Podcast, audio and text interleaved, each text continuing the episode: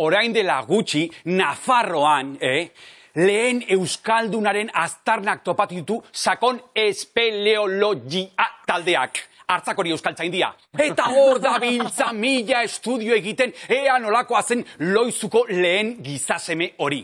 Ea, Pako Etxeberria eta kompainia, ez larritu, loizuko gizasemea euskalduna zen, beraz, datu pilo bat dakizigu berari buruz. Bat, lehenengoa, dantza ingo zuela horrela fijo, plasta, plasta, hau da euskaldunen erritmoa, igual da, eskorbuto, gozategi edo chill mafia, bale? Baina horrela, ez dakigu beste ezer egiten, bale? Tanatorio batean ere bai, bale?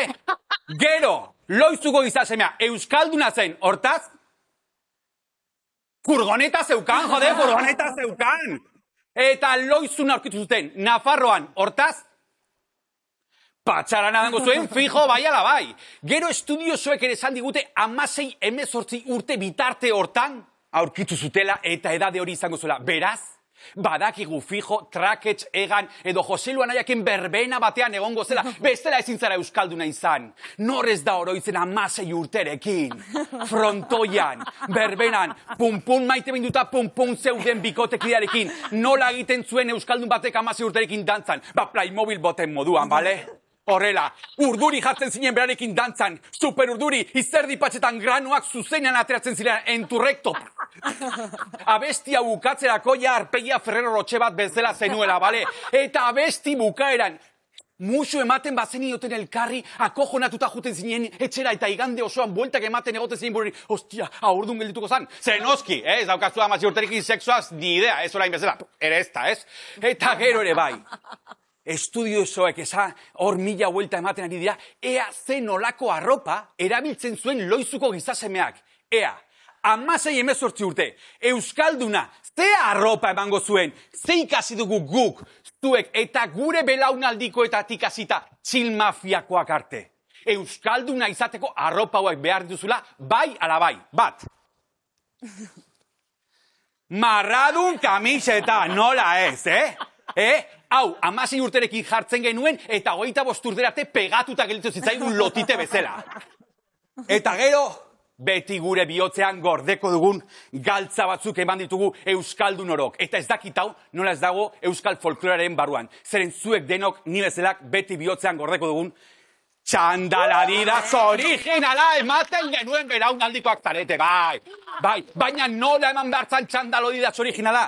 Kremaiera irekita bai! Eta nola eduki bartzen nuen txandalidaz originala? Txinazos beteta bestela etzuen balio, bale? Eta dordokak oskola bat ematen duen bezala, guk bizkarrean ere euskalduna ginela esateko eta jakiteko zer erabiltzen genuen? Altuz mendiko, motxila hau bai, honekin pegatuta gongera urteak eta urteak. Beraz, lagunok, lehen euskalduna topatu duten bezera jarrai dezagun euskeraz mintzatzen irri egiten eta bizitzen azken euskaldunik ez topatzeko. Ispilu beltza, asier errastirekin.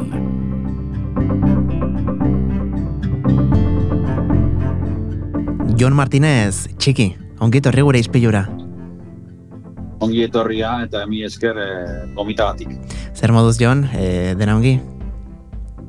Ondo, ondo, bai, ba, hori, ja azken urtea hasi dugula, hogeita bi garren urtea hau, izango dela nire azkeneko urtea, eta pozik, zeren agenda nahiko betetzen ari zait, eta ba, guztu ematen du, jendeak ere deitzen dizu, joe, ba, nahi dula zujutea bere hien herrira, eta horre kriston zubidea, Mateu.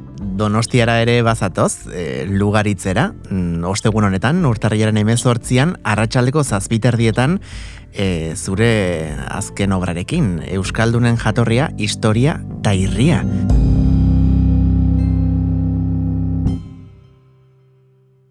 Zer aurkituko dugu holtza gainean, Jon?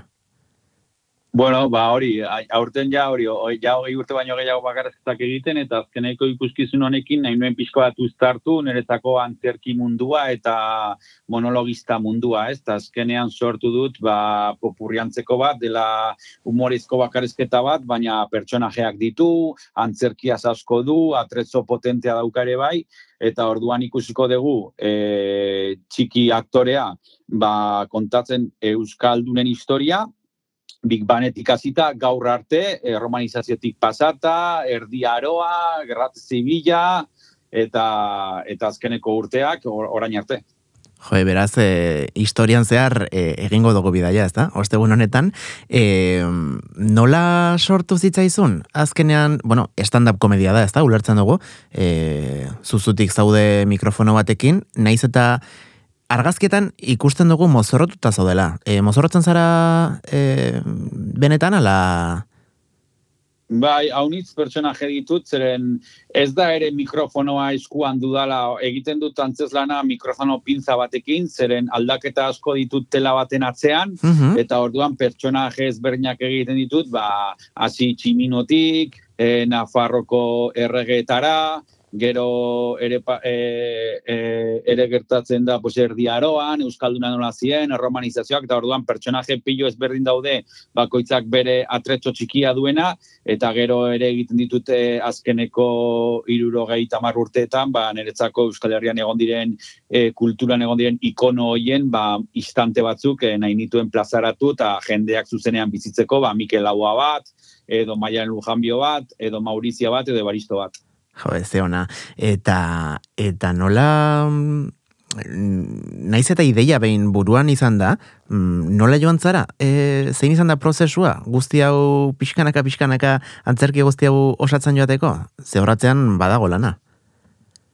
Bai, lan franko dago, eta nik beti izaten dut, nik emanaldia ez dudan astebuka era ero, beti noa ikuste antzerti bat, kontzertu bat, edo zinema bat, pelikula bat, eta zeren ikusten dut, e, bueno, ni kultura asko bizitzen dut, e, kultur gozea dut e, egunero edo astero, eta orduan beti esaten dut, ba, nire antzuz lan bat sortzen dudanean, ba, futsa nahiek esan zidaten bezala behin, ba, beste lekuetatik hartu behar da, e, iturri bezala erabili behar dira, eta lapurtu ere bai, ez, eta orduan, pixka bat e, antzeslan boro bilonekin hori euskal dunen historiarekin ba, e, sartzen ditut ba, efektuak, soinu pilo bat, karaoke momentuak eta bar, ba, gustatu zaizkidanik beti pues, beste proiektuetatik eta ikusi ditudan gauzetatik hartu eta niretzako bere ganatu ditut e, entxala da hundi honetan.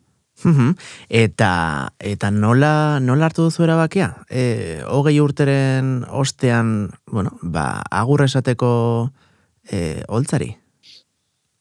Bueno, ba, artistaren mundua pues, gogorra da, ez? Eta nik lan egiten dut aparte, mantenimenduan, da elektrizista naiz, eta orduan, ez naiz antzioskitik bakarrik bizi, eta orduan, ere, ba, urteak e, pixka banaka aurrera doaz, eta urtean podirezaren ekatzen zara, eta oso mundu bakartia da, gero ere asko, energia asko jarri behar dezu proiektuan, ze nik ere uzen zeizkite egiten ditu danean emanaldiak, ba, jira bat egin, provintzi guztietatik pasa maul, e, Siberuatik eta Nafarrora, eta orduan, ba, uzen zeizkit proiektuak e, epe bat jartzea, eta gertatu zitzaidanean proiektu hau sortu nuenean, ba, EPEA ikusten nuenala, izan martzela ja, epe final bat, eta ja e, moztu egin bartzela guztiarekin, eta pixka bat ba, erretiro hartu ez. eta hortaz, imaginatzen dut, ba, antzerki honek baduela, ez da? E, hogei urteren ostean, ba, zuretzako, ba, beste, bueno, emozioz beteriko beste kutsu bat, ez? E, berezi izan berduela benetan, horrelako azken ba, bira bat. Ni, Bai, noski, gainera, antzeslan honekin Euskaldunen historiarekin, ba, ni beti sentitzen naiz oso romantikoa Euskararekiko eta Euskal Kulturarekiko, eta emanaldi haunitz egin ditut hogei, ur, hogei urtetan zehar, ba, edo zein txikitan, edo antzokietan, edo goltzetan, edo gaztetxetan, edo pale baten gainean, ez, beti esaten dudan bezala, eta orduan, jo, ba, nik sentitu izan dut, nire bete beharra herri honen alde, esoteitzak esanen zuen bezala, izan, izan bartzela, ba, kultura eta humorea ematea alik eta herri gehienetara. Eta hori egin dut urte guzti hauetan zehar, eta, eta pues, beti sentitu naiz pertsona underground bat, baina karo, pues, hori izateare gogorra da, beti izaten dut punkia izatea bizitzan ere gogorra da, baina hori erabaki genuen, eta hortan egon gara urte mordoa, baina, bueno, pues, pixka bat ere ikusten da, pues, hori ja, ere epea, osea, fin, e, finale bat bidal e, egin bar dela ja, zeren bestela zaude beti errueda batean eta bizitza ere pues, e, aurrera doa, eta nahi duzu igual beste gauz batzuk, zeren nere kasuan aktore izatearen e, pues hori, e, burutazioa eta horrek egin du energia asko jartzea horretan eta orduan ba uzten duzu beste gauza asko egiteari, ez? Ta horrek ere azkenean nekatzen du eta influitzen du zure izaeran, zure bizitzan edo familiarekin, bikotearekin eta bar eta orduan baia ikusten dute finikitatu behar dela e, imaginatzen dut orain, e, bueno, ba, azken bira honetan atzera begira ere jarriko zinela, ez? E, nola, nola ikusten dituzu? E, azken hogei urte hauek, e, ez da gize sentsaziorekin, esango diezu agur holtzari? Bai, beti nina ez nahiko jin jan eta beti go, nahiko gora bera izaten ditute pixka bat generalki artistak edo edukitzen duten bezala, eta asko bizitzen dut emanaldia dudan egunean, edo herri batera jun eta emanaldiaren instante hori bizitzen dut pilo bat, zeren oso pertsona hori pues, sensibla naiz, romantikoa naiz, eta orduan sentsazio hori, bizipen hori kristona dut, baina eta emozionatzen nau nola Euskal Herri osoan dagoen jendea gauzak antolatzen, ni ere biltzen naiz donostin gauzak antolatzen, eta bar, eta nola hori jendea dago hori maitasuna duela herriarekiko, e, jendearekiko, kulturarekiko, euskarekiko, eta da bil indikan gauzak antolatzen elkarteetan, gaztetxetan, tabernetan, edo herri txikietan, ez? Askotan bolondrez lan hori oraindikan uste dugula bukatu dela, jo, ba, oraindik badagoela eta horrek emozionatzen zaitu, baina gero ere bai, ba, pena da urtea askoen e, ostean, eta nik uste dut ere, ba, e, antzez lan politak egin ditugula, ba, birritan bortxatua bat bezala, non nik uste nuen igual, ba, profesionalizatzeko aukera izango genezakela, baina gero ikusten duzu, ba, kulturan ere gertatzen dela justizian bezala, ez? Justizia ez dela denintzako igual eta kulturan ere ez da artista guztientzako kultura ez da berdina eta ez da ez du berdin funtzionatzen talde batzuentzako besteentzako eta bar, ez? Ta orduan horrek ere egiten zaitu etxitu, nekatu eta bueno, ba erabakiak hartzea. E, ze sentsazio dauzkazu? E, aipatu duzunaren arira, e, Euskal Herrian orain, e, bueno, zu bazoaz, baina beste, bueno, ba, generazio batzuk e, badatoz, etorri dira, eta iristear dauden guzti horiek, nola ikusten duzu? Komedia, estandapa, humorea, e, Euskal Herrian? Stand-uparen asuntuan ni orain oso pozin nago eta ere da erabakia ere hartu detortik ikusten duelako ba azken urte hontan, ez? Eta igual eh, bos barre libretik hasita eta pues eh, eh, atera direla monologistak edo komediante berriak eta ba, gero karkarrek dokan antelatzen zuen eh, mikroireki horrekin. Eta ber uste dut kriston bultzada egon dela azkeneko urtean pues, ematen du ia bertsolaritzaren movida bat bezala, eta bai. horrek asko postu nau, eta horrek ere egiten nau, esatea, txiki, ja dituzu berrogeita iru urte, eta eta ja bale, ez, ja bale, eta ni superrarro nago egindako bidea, egindako herri guztietaz, eta nik oraingo orain monologistan ibiltzen diren gaztei hori esaten diet, ez? Ba, gustatzen bazaizue, ba, june herri zerri, ibili, zeren beti disfrutatzen da emaneldiak egiten, jende superinteresgarria ezagutzen duzu, batzutan ez dezu gorik izango juteko, beste batzutan gutxiago kobratuko duzu, beste batzutan gehiago, baina niretzako guzti horrek egiten du, pues, berriz ere ostirala da, kotxe hartu eta emanaldi bat egitea jun, jende berria ezagutu, euskalduna, eta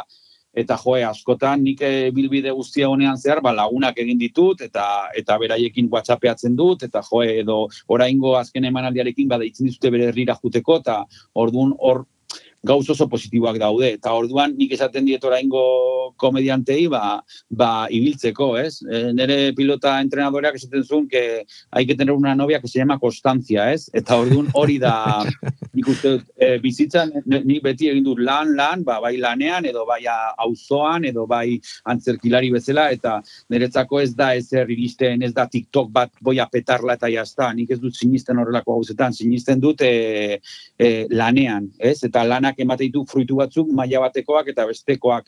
Eta badakizu ere tope bat izango dutela eta ez zela hortik aurrera edo igoko edo edo ez dezula hortaz biziko baina niretzako ba abaltzisketa herri batera jutea edo edo barakaldoko euskara elkarte batera jutea non hogei lagun dauden ba hoiei ematea zuri oparian niretzako hori izan da gauzik onena Baina antzerkian bai uste dut, e, gu bezalako taldeak izan garela semiprofesionalak, nire gora aldatzen laguntzen antzerki taldearekin saioarekin batera, ba ez dut ikusten euskaraz antzerki taldeak daudenik horrela e, amateur edo semiprofesionalak direnak eta hor bai ikusten dut kriston zuloa. Daude antzerki talde profesionalak, konpainia potenteak egite dituztela antzokietan, baina gero herri txikietara juteko eta bar, nik uste dut hor ez dago, hor zuloa handia dagola. Hor zuloa handia dagola. E, askok diote, ez, e, politiko kinola baitere, bueno, ba, generazio berriek ez dutela errelbo hori hartu, ez, sasoi hori e, borrokarako, besteak beste, kulturan ere mm, somatzen duzu dena profesionalizatu, kapitalizatu egin dela, eta agian falta dela lehen, bueno, ba, zegoen, bueno, ba, ekintzaietasun hori, zentzu batean? Bai, bai, hori dudik ez, nik uste profesionalizatu dela dena ez, eta eta nabaritzen dela incluso bueno pues jende gazteak eh orain zaten du jo eske eh, kobrat herri honetan emango diatela ez dakit 150 euro eta nik esaten 150 euro dirua da jo eh herri txiki batentzako edo taberra batentzako eta uste dut bai galdu dela hori eta pena da, pena da, baina bueno, uste du dela gizartea horrela doa, aurrerago edo edo Euskal Herriko jai batzordea gaztetxea guzti hori ba jetxe eginda, por supuesto, eta hori horrela da eta horrela izango da, supoatzen dut, baina ere oraindik dago jendea jarraitzen duena, noski, bezala ez dilateke oraindik agenda horiek egongo arte bukara ero ez dakizen gaztetxetan zenbat kontzertu dauden eta bar, eta bar. Baina nik uste dut, e, geldituko orain jende gutxiago dagoela, baina dagoen gutxi horrek, ba, e, indar gehiago du, energia gehiago du, gehiago da kizareetan nola mugituek emanaldi bat eta horrela mugitzeko, kelen hori enteratzea zaiagoa zan, eta bar, eta orduan ba es, esperantza dut euskaldun bezala ba jarraituko dela zeren hemen bai dago ohitura bat ba jarraitzeko horrelako gauzetan edo edo bluesetan edo edo edo mugimenduetan eta orduan nik uste hori jarraituko dela. Eta kultura ekitaldiak, ba, behintzat orain estandanarekin donostin gertu dena dokan, orain arte, ja, itxita dagolako, agur bat, horko langilei, baina hor gertatu den arte, hilabetero e, e, mikroireki gau bat egitea eta egun da hogei zarrera bi ordutan bukatzea hori iruditzen zait lehen etzela gertatzen eta orain bai orduan alde positiboak ere daude. Bai, izugarria da egia san. E, badator, usta berria, mm, baina mundua, ondo esan duzu moduan aldatuzti joa, eta, eta ez dakite bueno, pixka bat kontatu diguzu ez, baina azkeneko hogei urte hauetan aipatu duzu ez duzula lortu hortik, eh, antzerkitik e, bizitzea, e, ekonomikoki duina ez, baina, baina moralki e, bueno, ba, esan duzun moduan, konstantzia bat mantentzea indar hori hogei urtez herri txikietan zehar e, oso gutxo kobratuta edo baterez kasu askotan, nola, nola guantatzen da e, horrelako maratoi luze bat, txiki?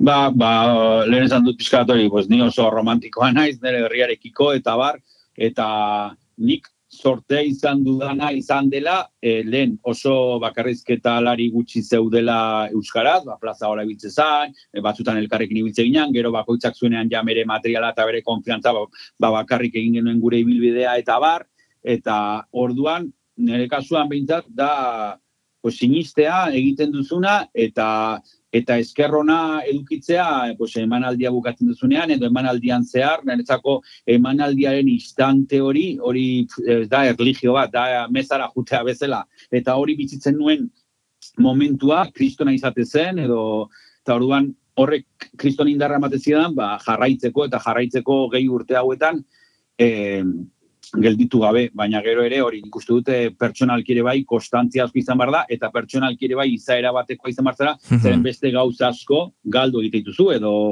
eh otzean pentsatuta, ba hori, pues eduki dezakezu bikote bat eta erlazioa ez da berdina, zeren zaude beste gauz batzuetan eta takatan takatan da orduan edo familia dukitzeko ere bai, da zuk auto bat egin duzu artearen alde eta horrek erabaki horrek ekartzen ditu kontsekuentzia batzuk eta bai notatu ditu dala orain perspektiba, beste perspektiba batetik ikusita ez, eta horregatik pixkatere aldaketa, bai. Zure inguruak nola bizi izan du? Hainbeste denbora, hainbeste esfortzu, hainbeste e, egun dedikatzea Euskal Herrian barrena horrelako bolak egitera? E, lagunek eta etzi zuten noiz baita esan Bueno, Jon, igual jazta, ez? Edo, edo jetxe ritmoa. Bai, le, lehen be, be, betiko laguna direna kuadriakoak, txikitati, guera eh, kuadria bat e, e, ikastolatikan, osea, ja, sortzi amar urtetikan ia lagun berdina garela, eta batzutan bere garaian gehiago lagunekin ibiltzen zinenean hori hogeita zazpio, hogeita zortzi urtekin Mhm. parrandan, eta aba, ni boloa dut, eta zakide, jo, txiki utzi ja, eta hori batzutan bai suertatzen zen, baina, Mhm. ni nahiko izaera pot, e, fuertea dut, eta beti izan dut undergrounda naiz, punkia naiz, asko ibili naiz bakarrik nire bizitzan, eta eta horrek ere e, balio izan dit, ba, horrela jarraitzeko, zeren e, artistearen mundua oso bakartia da, bai sorkuntzan, bai emanaldiak dituzunean, bai emanalditik bueltatzen zarenean, eta guzti hori, ba, gustatu behar zaizu ere bai. Eta orduan nik bai egin nuen auto hori, eta pozik nago, ez, horregatik ez, baina, baina bueno, pues ere, e, maiera bat e, eman behar zaio. Eta urten, bueno, pues, e, behintzat pozik nago, ondo hasi dela, agenda betetzen ari dela, eta espero dut gozatzea.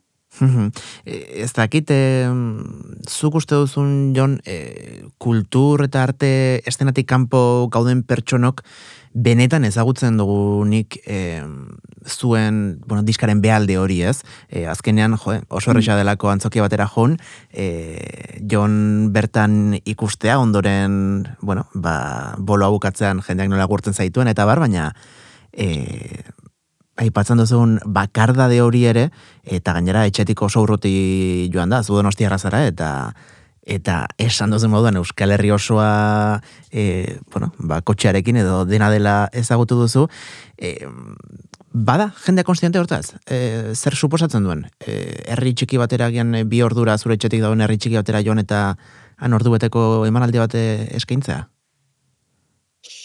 Nik uste dut, askotan ez, askotan ez, zeren, bueno, pues, eh, ez baldin bat zoaz batera non, ez dakit, ba, justo musikari bat den edo, tipiko ez, gitarra jotzen duen bat, talde batekin eta bar, askok ez dakitela zenbat esfortzu den, ez, edo, edo batzutan lagunak ez dira, jo, eh, txiki, eh, ja dirua egiten egingo zara, egongo zara, italikoa, baina ordue, ordu guztia kontatzen baituzu, nire altzako etxetik atera arte, bueltatu arte, hor, hor dauden ordu pila, eta ga- gasolina gastuak eta bar, jendeak ematen du ez dula ikusten, ez? Bakarrik ikusten du alde ona, ez? Badela e, zaudenean zaioan, nola jendeak par egiten duen, edo txalokazten diren, eta bar, ez?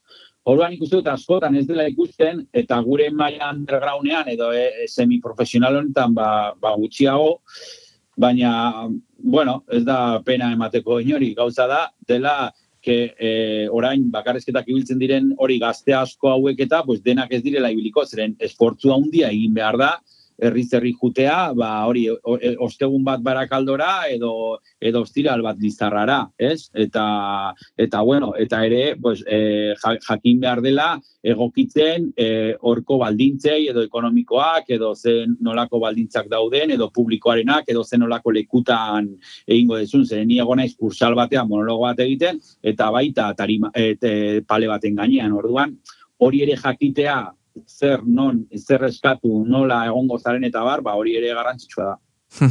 e, hain justu, pasaden urtean e, Patxi Zubizarreta idazlea elkarrezketatu genuen hemen ispilu beltzan, e, Euskadi Literatu Saria irabazi berritan, eta eta e, esan zidan esaldi batek markatu ninduen, eta oraintxe etorri zaite burura. E, berak esaten zuen, bai, orain, bueno, albistegietan ateratzen ari zela, eta eta sariak e, toki denetan, eta bar, baina artista baten, e, eta are gehiago, euskal artista baten bizitza oso kutrea zela, esaten zuen berak. E, etzela bat ere, Bai. bat ere erromantikoa, ez? Ondoren guk ikusten duguna, e, ikusle moduan, gauza bat da, baino atzean dagoena, wow. Bai, nik e, Willis e, Drummondekoak oso lagunak direla, beti izaten diet. Nik ja ez dut sinisten Euskal Herri e, teoriko horretan nola saltzen digutena baizik sinisten dut bakarrik nere Euskal Herrian, ez? Eta nere Euskal Herria da nik nere, nere pertsonatik egin dezakedana nere herriaren alde, nere Euskararen alde, kulturaren alde, eta horrekin gelditzen nahi, zeren e, e, bizi baldintzak bai dira kutreak, e, idazleak esaten zuen bezala, eta bueno, pues hori ikusten da asko ere goia sarietan, eta dena Mhm. juten dira de pitimini, eta hurrengo gunean ez dute edukiko, igual ez da, ez da aceite de oliva erosteko, sinceramente. Mhm. Ez zeren lan gutxi egiten dute, eta kulturaz bizitzea mm, e, Euskal Herrian edo, edo Estatu Espainiarrean zen azkenean eh, hori gara ere baigu e, oso oso zaila da. Eta hori pues beintzat Frantzian dituzte beste baldintza batzuko beagoak edo resagoa da eta bar baina hemen oso oso zaila da oso oso zaila da. Eta eta gero ere nola oso zaila den ba gutxi hoiek bizi diren e, kultur e, taldeak, azkenean dira enpresak, eta sortze, eta dituzte beraien, bueno, pues beraien sareak eta beraien tegemanijeak eta hoiek dira bizi daitezkenak eta beste guztiak ba, ba ez. Baina beti izaten dut, nik uste dudala e, beka betetzen duen e, igualtzai musikari batek kulturaren alde ingo duela portzentai bat, baina ni juten zenean Nafarroko herri txiki batera ere egiten ari naiz euskal kulturaren alde portzentai bat hori edo handiagoa. Hmm, dudari Zeren herri txiki horretara nor jungo da bestela e, berreun pauren gatik monologo bat egitea eta ekipoa gainera ematen eta zaki zer. Orduan, hori da, nik uste dut, e, erakutsi behar dena gaztei, gaztei, gogo hori eta sinismen hori egiten ari zarena e, gure euskaren alde eta kulturaren alde egiten duzula, naiz eta noski e, lukratu ere egite zare, kobratzen duzulako, baina bueno, e, gaur egun bizi gara denok mundu kapitalista honetan, eta ez gara bizi siberuako baso batean zagarra jaten, horregatik behar dugu dirua, eta horrela negoziatzen dugu dena. Baina nik uste dute ez dela konparagarria, garo, baina egiten du, du nik egin dudana uste dut, niretzako personalki e, asko sinisten dut e, egin dudana kulturaren alde eta euskaren alde izan dela herri honetan. Jon, e, gainera antzezelan honetan e, zure imitazioek e, esan duzu moduan badute presentzia eta eta oteiza besteak beste ere, bueno, ba imitatzen duzu ez da bertan. Bai, bere garaian, e, bueno, oteitataz maite mendu nintzen, txunditu egin nintzen, eta egin duen ikuskizun bat, antzez lan bat oteitari buruz, non gero ba zorionez egon naiz balu harten egiten, edo oteitaren museoan, edo andoni gaina eta maian lujambiorekin bitan ere bai, eta ba, pizka bat oteita nik ikusten dut, edo jarraitu izan nahi dut, izan nahi izan dut bere, bere pentsaera dela, pues asko egitezuela herrian alde ez, orain asko txigidaren asuntua eta atera dela eta Twitter hori idatzi duten artikulu horrekin eta bar, uste dut, e, hori, orain nahi dela txigida eta oteitza jarrik biak izango zire, ziren bazela bi artista ikoniko gure herriarenak eta bar, eta bai direla bi artista oso onak eta eta fama internazionalenak, baina izaera ez da bat ere berdintxua, zeren txigidarena beti izan da oso boterearekiko, politikarekiko, eta bar oso elkartuta eta elkarren gandik beti jundira oso gertu, eta oteita zan punki bat, eta oteita zan antigizartea, antisistema, eta denari kaina sartzen ziona, eta beti pentsatzen zuena, beti jartzen zuena herria bere e, e, gauz pertsonalen aurretik, ez? Eta hori, bueno, e, hori ez du inork egin eta txigida gutxiago eta horre, horregatik maite nuen oteita hasiera batetik esaten nuena ikusten nuelako nola oteitak ze zenbat egiten zuen herriaren alde, zenbat proiektu, zenbat energia eta eta gero askotan nola eskertzen zioten, ez? Ba, justo kontrakoarekin, ez? Eta Eta bueno, pues hori, orain txida paman dagoela, ba, hori bota nahi nuen. E, aipatu dugu, mm, non despistaturen bat e, baldin badagortik e, ostegun honetan izango zarela lugaritzen, e, Imano Lartzabal aretoan, hartxaldeko zazpi terdietan, e, urtarriaren emezortzian, e, donostiar zara zu, e, antigotarra, hain zuzen, e, txiki, e, mm, bai. ja biskate borobiltzeko elkarrezketa hau, e, nola sartu zen, nola hasi zen e, Jon Martinez mundu guzti honetan, farandu lan?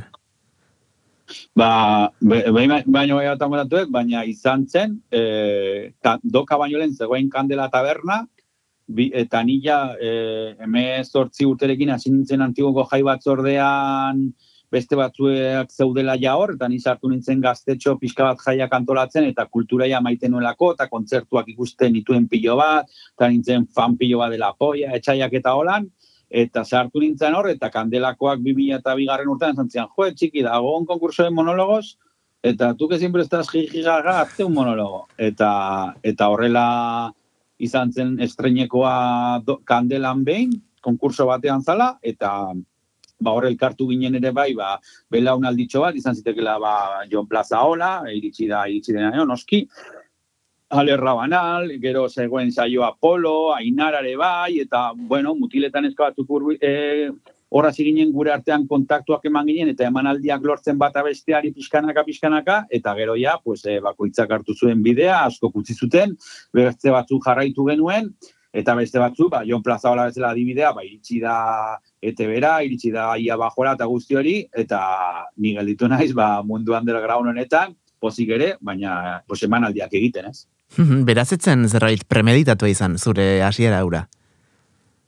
Ez, ez, ez, ez hori izan zen nahiko naturala, eta gero egin nuen bakarrezketa hori askotan, zela puzkarrai buruz, eta hasiera batean erdera zan, eta erdera egiten genitu monologoak, zenen justo klub dela komedia eta hori boom handian bai, zegoen, mm -hmm. e, mundu ikuste zuen telebistan, eta orduan, ba, taberna askotatik deitzen ziguten emanaldiak egiteko, eta zieran jute ginen, ba, iru edo lau, bakoitzak bere amagos minutuak eta egitea, gero azten zinen jazure materiala lantzen pertsonala eta bar, eta gero jasi nintzen euskeraz egiten, e, beti zaten dut, osabak zantzialako zu oso borroka, baina erderaz egititu zu monologak, eke baz, eta orduan e, horrek zartako handia eman zidan arpegian, eta bai, hasi nintzen ja euskera idazten, ikusten nulako, eta ere, minasko sentitzen nulako, esaten zizutetean euskalek herriko, herriet euskaldunetan, ostia, euskera hau egitea zaila da egitar, eta nik esaten nuen, jo, ezi, bertxolari bat darama irureun urte hau egiten, osea, que hau egitea estandapean, egin laiteke. Eta ikusi da gutxinaka eta bakoitzak bere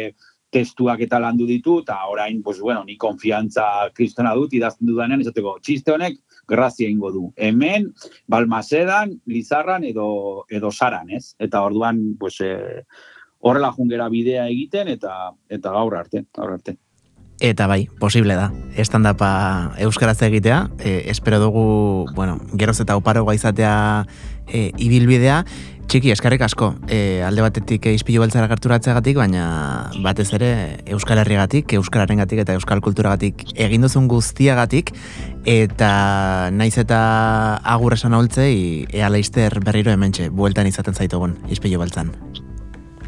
Bai, espero dut, eta bestela esan zaket, primizian, abenduan ja daukat, azte bukaera bat, e, ia lotuta, non egingo dut hor, e, azkeneko emanaldia izango dena, izango dela donostian, orain dinago dena hitz egiten eta zaiatu nahian, leku e, polit bat lortzen, baina izango, ja fetxa dut, abenduak amairu amalau edo amagoz, izango dela ja nire azkeneko ikuskizunaren azkeneko emanaldi berezia egingo dugula, besteak dokan egite, egin ditugu beste emanal, beste ikuskizunekin, baina aurten ez da posible izango, eta eta ikusiko dugu non, eta, bueno, ba, nahi bat zute, mintzatuko gera, ja azkeneko, azkeneko emanaldiaz. Ba, ba bai, noski baietz, orduan e, urte amaier aldera e, egingo dizugu beste bisita bat, eta kontatuko diguzu zer moduz joan den azken birau, eta ze sentsazioarekin e, esango dizu agur e, umoreari. Bueno, humoreari ez diot, uste, agur esango dizunik ez, humoreak ere jarraituko delako zure bizitzan. Bai, beti izaten dute, bai, bukatuko dut nire ibilbide artistikoa, baina beti izan naiz kulturtzalea eta jungo naiz azte bukara ero, ia seguro, kontzerturen bat, e, zinemaren bat, edo antzez lanen bat, edo dantzaren bat ikustea. Ba, John Martinez ez nahola, txiki, plazerrutxa e, zurekin izan dako sola saldia, eta animo, aurretik dituzun hilabete guzti hauetan, disfrutatu topera. Bai, ez mila unitz eta sarri hartio.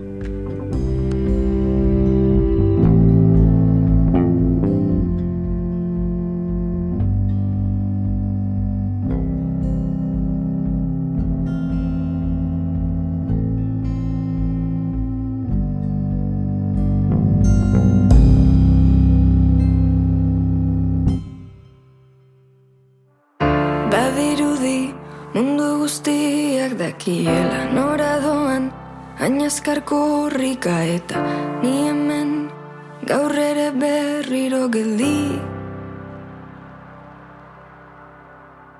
Ezin segi adia duraren aria Baina denek espero dute mireria Eta ni beste egun bat ez isilik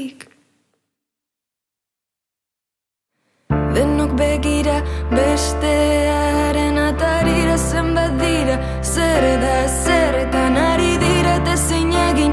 Zukinon zure kabia zezu aitz guztiak gezu rezkoak dira. Dira son de mentira.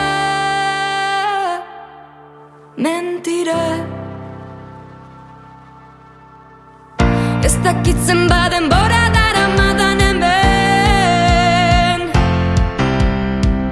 Ez da inorreturriko